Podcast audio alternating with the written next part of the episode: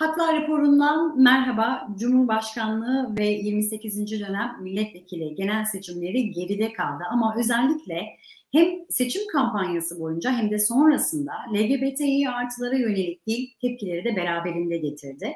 LGBTİ artılara dönük dilin siyasette bir propaganda aracına dönüşmesini ve bunun yansımalarını konuşacağız. E, sosyal politika, cinsiyet kimliği ve cinsel yönelim e, çalışmaları e, Derneği Yardımcı Genel Koordinatörü Oğulcan Yediveren yayın konuğumuz olacak. Oğulcan Bey merhaba, hoş geldiniz yayınımıza. Merhaba, hoş bulduk. Teşekkürler beni aradığınız için.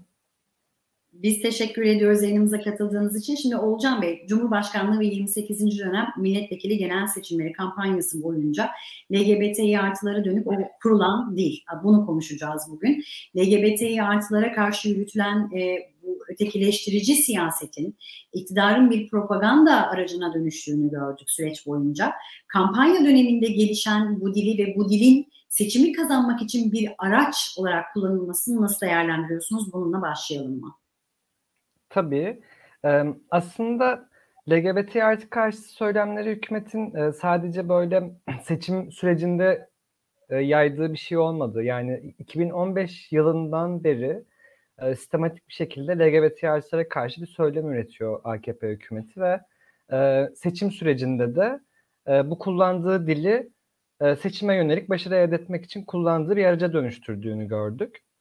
Bunun altını şu yüzden çiziyorum. Ee, hani biraz böyle sadece seçime yönelik bir e, propaganda aracı olarak gördüğümüzde LGBT artı karşı söylemleri e, kolaylıkla e, yani muhalefet özellikle muhalefet kanadından e, bunu çok duyuyoruz. Ya şu seçimler bir geçsin e, sonra biz sizin haklarınızı savunacağız gibi e, bir cevap alabiliyoruz bu konuyla ilgili.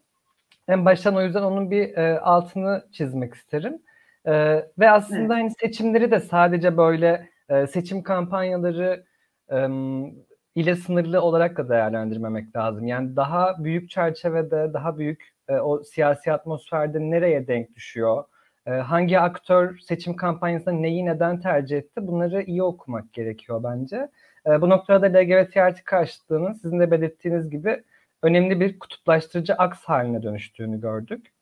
E, ee, yani zaten aslında biz şunu e, devamlı olarak söylüyoruz. Yani bu süreçte LGBT artılara karşı yöneltilen e, bu nefret dilinin doğrudan sokakta bir yansıması var.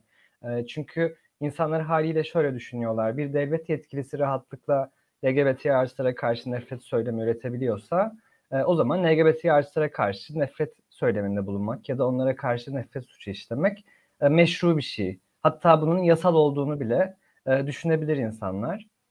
Çünkü en başta zaten e, yasayı koyan ve onu koruması gereken kurum e, eliyle e, bu yapılıyor. E, biraz aslında e, bunun yaratabileceği olası sonuçlar e, hatta olası da değil. E, geçen Aralık'ta biz e, bu şey yapıldığında büyük aile buluşması adı altında yine LGBT artıya karşı nefret mitingleri yapıldığında e, o dönem bizim danışma hattımıza gelen başvurularda e, bir önceki yılın aynı dönemine göre başvuruların iki buçuk kat arttığını gördük. E, bu aslında bize şeyi gösteriyor. Yani bu yürüyüşlerin doğrudan sokağa nasıl yansıdığını, LGBT artılarına yaşamlarına nasıl ayrımcılık ve hak ihlali olarak döndüğünü gösteriyor. Bu insanlar hak ihlallerindeki bir artış sebebiyle bize daha çok ulaşma ihtiyacı duyuyorlar aslında. E, bunun da ötesinde e, şunun da e, altını e, çizmek isterim aslında. Bu LGBT artı karşıtı söylemler sadece LGBT artıları e, ilgilendirmiyor. Çünkü biraz bu LGBT artı karşı söylemlerin ne işlev gördüğünü de e, anlamak gerekiyor bence. Çünkü e, yani aileyi yıkacak bir şey olarak resmediyor LGBT artıları ve bunu yaparken de aslında belirli bir biçimde aile tanımlıyor. E, ve bu aile şöyle bir aile. E, itaatkar, hiçbir şeyi sorgulamayan, kendisine yapılan haksızlıklara karşı ses çıkarmayan, sürekli çalışan, çok az para karşılığında, karın tokluğu karşılığında çok uzun saatler çalışan, e, tabii kadınsanız da e, evde olduğunuz, yine ev işlerini yaptığınız ve doğurduğunuz en önemli kısımlardan bir tanesi de bu. E, ve bunun aslında AKP'nin son 5-6 yıldır uyguladığı ekonomi ve sosyal politikalarla çok ilişkisi var. E, şunu görüyoruz son yıllarda, Türkiye bir ucuz emek e, cenneti haline getirildi. E, bu da şu yolla yapılıyor. Kadınlar doğursun, e, nüfus artsın, e, hiçbir şeyde insanlar ses çıkarmasınlar ve emeklerini ucuza satsınlar. Bunlar birbiriyle çok ilişkili politikalar aslında ve doğumla sonuçlanmayan cinsellikleri de yani LGBT artı kimlikleri de marjinalize ediyor ve suçlulaştırıyor aslında. E, ve şunun da altını çizmek isterim. Mesela e, İmamoğlu eşiyle birlikte e, şarap içtiği bir akşam fotoğrafı basına yansımıştı ve e, AKP yandaşı medya tarafından çokça hedef gösterildi. E, biz şunu biliyoruz ki aslında e, akşam bir kadeh eşiyle birlikte rakı içen o heteroseksüel aileler de o aile tanımının içinde yoklar. E, o yüzden biraz böyle bu LGBT artı karşı söylemleri her birimizin hayatına nasıl dokunuyor? E, tüm bu seçim sürecinde üretilen bu nefretin e, bize dönüşü ne olacak? E, buralardan bakarak değerlendirmek gerekir diye düşünüyorum. Peki ben e, siz tabii laf arasında söylediniz özellikle muhalefet tarafından bakıldığında seçimler geçsin sizin haklarınıza da bakarız gibi bir e, ifade kullandığınızda orayı biraz açmak istiyorum. Neden? Çünkü e, şimdi Millet İttifakı'nın aslında mutabakat metnine baktığımızda LGBTİ e, artı hakları kapsayan bir vaat yoktu orada. Öte yandan e, yine işte sizin de söylediğiniz, ifade ettiğiniz gibi e, seçim süreci boyunca kullanılan bu ötekileştirici dile ilişkinde muhalefetten bir e, karşılık gelmedi. Şimdi süreç boyunca e, kullanılan dile muhalefetin bu tepkisizliğini nasıl değerlendiriyorsunuz? Orayı biraz açalım lütfen. Yani şöyle bir kere kendi adlarına da bence yürütebilecekleri en yanlış politikayı yürütüyorlar. E, çünkü aslında siz e, hükümetin e, bu kutuplaştırıcı diline karşı e, cevap olabilecek bir söylem üretmediğiniz zaman e, bir yerden sonra hükümetin çizdiği sınırlar içerisinde siyaset yapmak zorunda kalıyorsunuz. E, ve belli konulara giremez hale e, geliyorsunuz. Yani Kürt meselesi de e, böyle oldu Türkiye'de yıllar boyunca. İşte LGBT artı meselesi de şimdi yine e, benzer bir e, işlev görmeye başladı. Ve nitekim seçimlerin ardından da şunu görüyoruz ki yani halk şunu yapmıyor. Bu ötekileştirici dili kullanan, nefret dilini kullanan insanları taklit ettiğiniz zaman size ikna olmuyorlar. Yani bu bizzat bu nefret dilinin başı olan e, başlatıcısı olan partiler yani daha çok bu nefret dilinin sahibi olarak görülüyorlar. Onların söyledikleri şeyler daha sahici olarak görülüyor. Nitekim şu an meclisteki dağılım da e, daha sağcı partilerin, daha sağ görüşe ait partilerin e, oldukça arttığını görüyoruz geçen yıllara göre de. Ben biraz aslında bunun muhalefetin yürüttüğü bu sessizlik politikasıyla da ilgili olduğunu düşünüyorum. Ee, çünkü siz bu söylemlere karşılık vermediğiniz o söylemleri aslında meşru kılmış oluyorsunuz ve o söylemleri güçlendirmiş oluyorsunuz.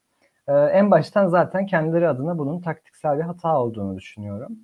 Ee, onun da ötesinde e, bu sessizlik aslında bize şunu da gösteriyor. Yani muhalefet partilerinin de her ne kadar bütün seçim vaatlerinde işte yok insan hakları, işte uluslararası teamüller falan bunlardan bahsediyor olsa da aslında tüm bunları ne kadar sindiremediğini, e, ne kadar bunları içselleştiremediğini görüyoruz. Çünkü insan hakları meselesi yani siyasette insan hakları e, askeri e, düzey olmalıdır. Yani bunun altına inmemelisinizdir. Demokratik ülkelerde böyle olur. E, ancak Türkiye'de bunun böyle olmadığını, e, muhalefetin bile bunu başaramadığını e, görüyoruz. İnsan haklarını ve demokrasiyi getirme iddiasında olan e, partilerin.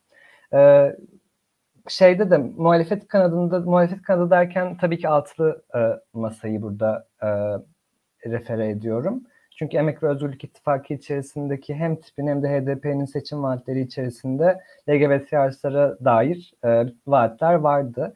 Her ne kadar e, tipi belki biraz dışarıda bırakarak hani Yeşil Sol Parti'nin e, süreç içerisindeki söylemlerini bazen eksik ve zayıf bulsak da e, sonuç olarak bu partiler kurumsal olarak bu konularda söz üretiyorlar. E, onları o yüzden bu sözlerimin dışında e, bırakarak konuşuyorum. Altılı masa içerisinde de e, bir tek İyi Parti'nin aslında e, cinsel yönelim ve cinsiyet kimliği temelli ayrımcılığa karşı yasa çıkaracağız gibi bir e, maddesi vardı seçim vaatlerinde. Ama tabii ki yani e, parti içerisinde bu ne kadar e, içselleştiriliyor e, ya da parti içerisindeki tartışmalarda ne kadar yer buluyoruz biz e, onu e, bilemiyorum. Yani bu meseleden kaçarak bir yere varamayacağız. Yani susarak, görmezden gelerek e, bir yere varılamayacağını herhalde bu süreçte hep birlikte anladık. Peki şunu da soralım öyleyse. Şimdi LGBTİ artı derneklerin açılması e, yine baktığımızda bugünkü iktidar dönemine rastlıyor. Ancak yine bu iktidar döneminde derneklerin kapatılması söylemi de yaygınlaşmaya başladı. Bu anlamda bir tedirginlik hissediyor musunuz? Bir tedirginlik yaşıyor musunuz?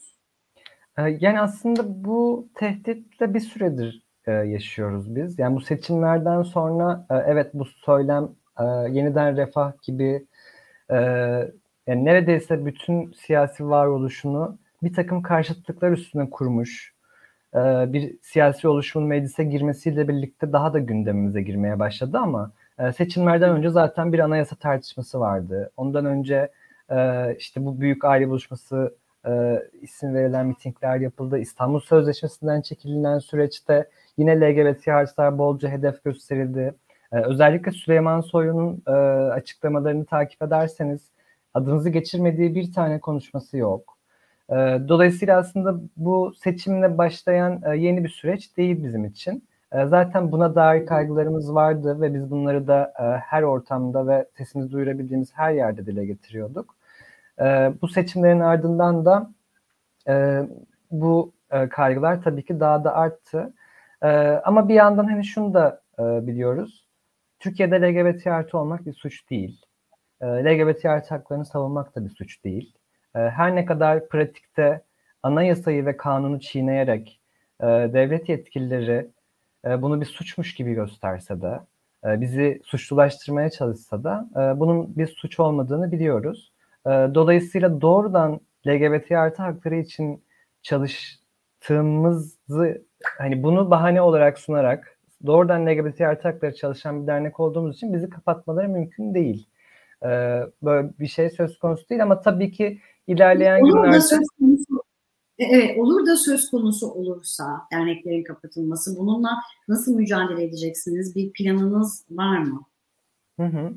Ee, yani şöyle LGBT artı hak mücadelesi derneklerle beraber başlamadı. Ee, 90'larda e, başlayan e, hatta 80'lerde ilk sokaktaki yansımalarını gördüğümüz bir mücadele. Türkiye'deki e, tarihinden bahsediyorum tabii ki. E, 2003-2004 yıllarında aslında dernekleşmeye başladık biz. E, hani bundan sonra da zaten e, bildiğimiz her yolla LGBT artı savunmaya devam ediyor olacağız. Yani dernekler olmadan da e, bunu e, yapıyor, örgütleniyor, sesimizi e, duyurmaya çalışıyor olacağız. E, bu bunun yani tam olarak detaylı planını tabii ki o gün geldiğinde e, ancak e, hani anlatmamıza bile gerek kalmaz görüyor e, olursunuz zaten. E, ama şu an hani öyle e, detaylı bir plan tabii ki önümüzde yok yani. Peki. Oğulcan Bey çok teşekkür ediyorum yayınımıza katıldığınız için. E, Sosyal Politika, Cinsiyet Kimliği ve Cinsel Yönelim Çalışmaları Derneği Yardımcı Genel Koordinatörü Oğulcan Yediveren yayın konuğumuzu LGBTİ artılara dönük dilin siyasette propaganda aracına dönüşmesinin yansımalarını konuştuk. Görüşmek dileğiyle, hoşçakalın.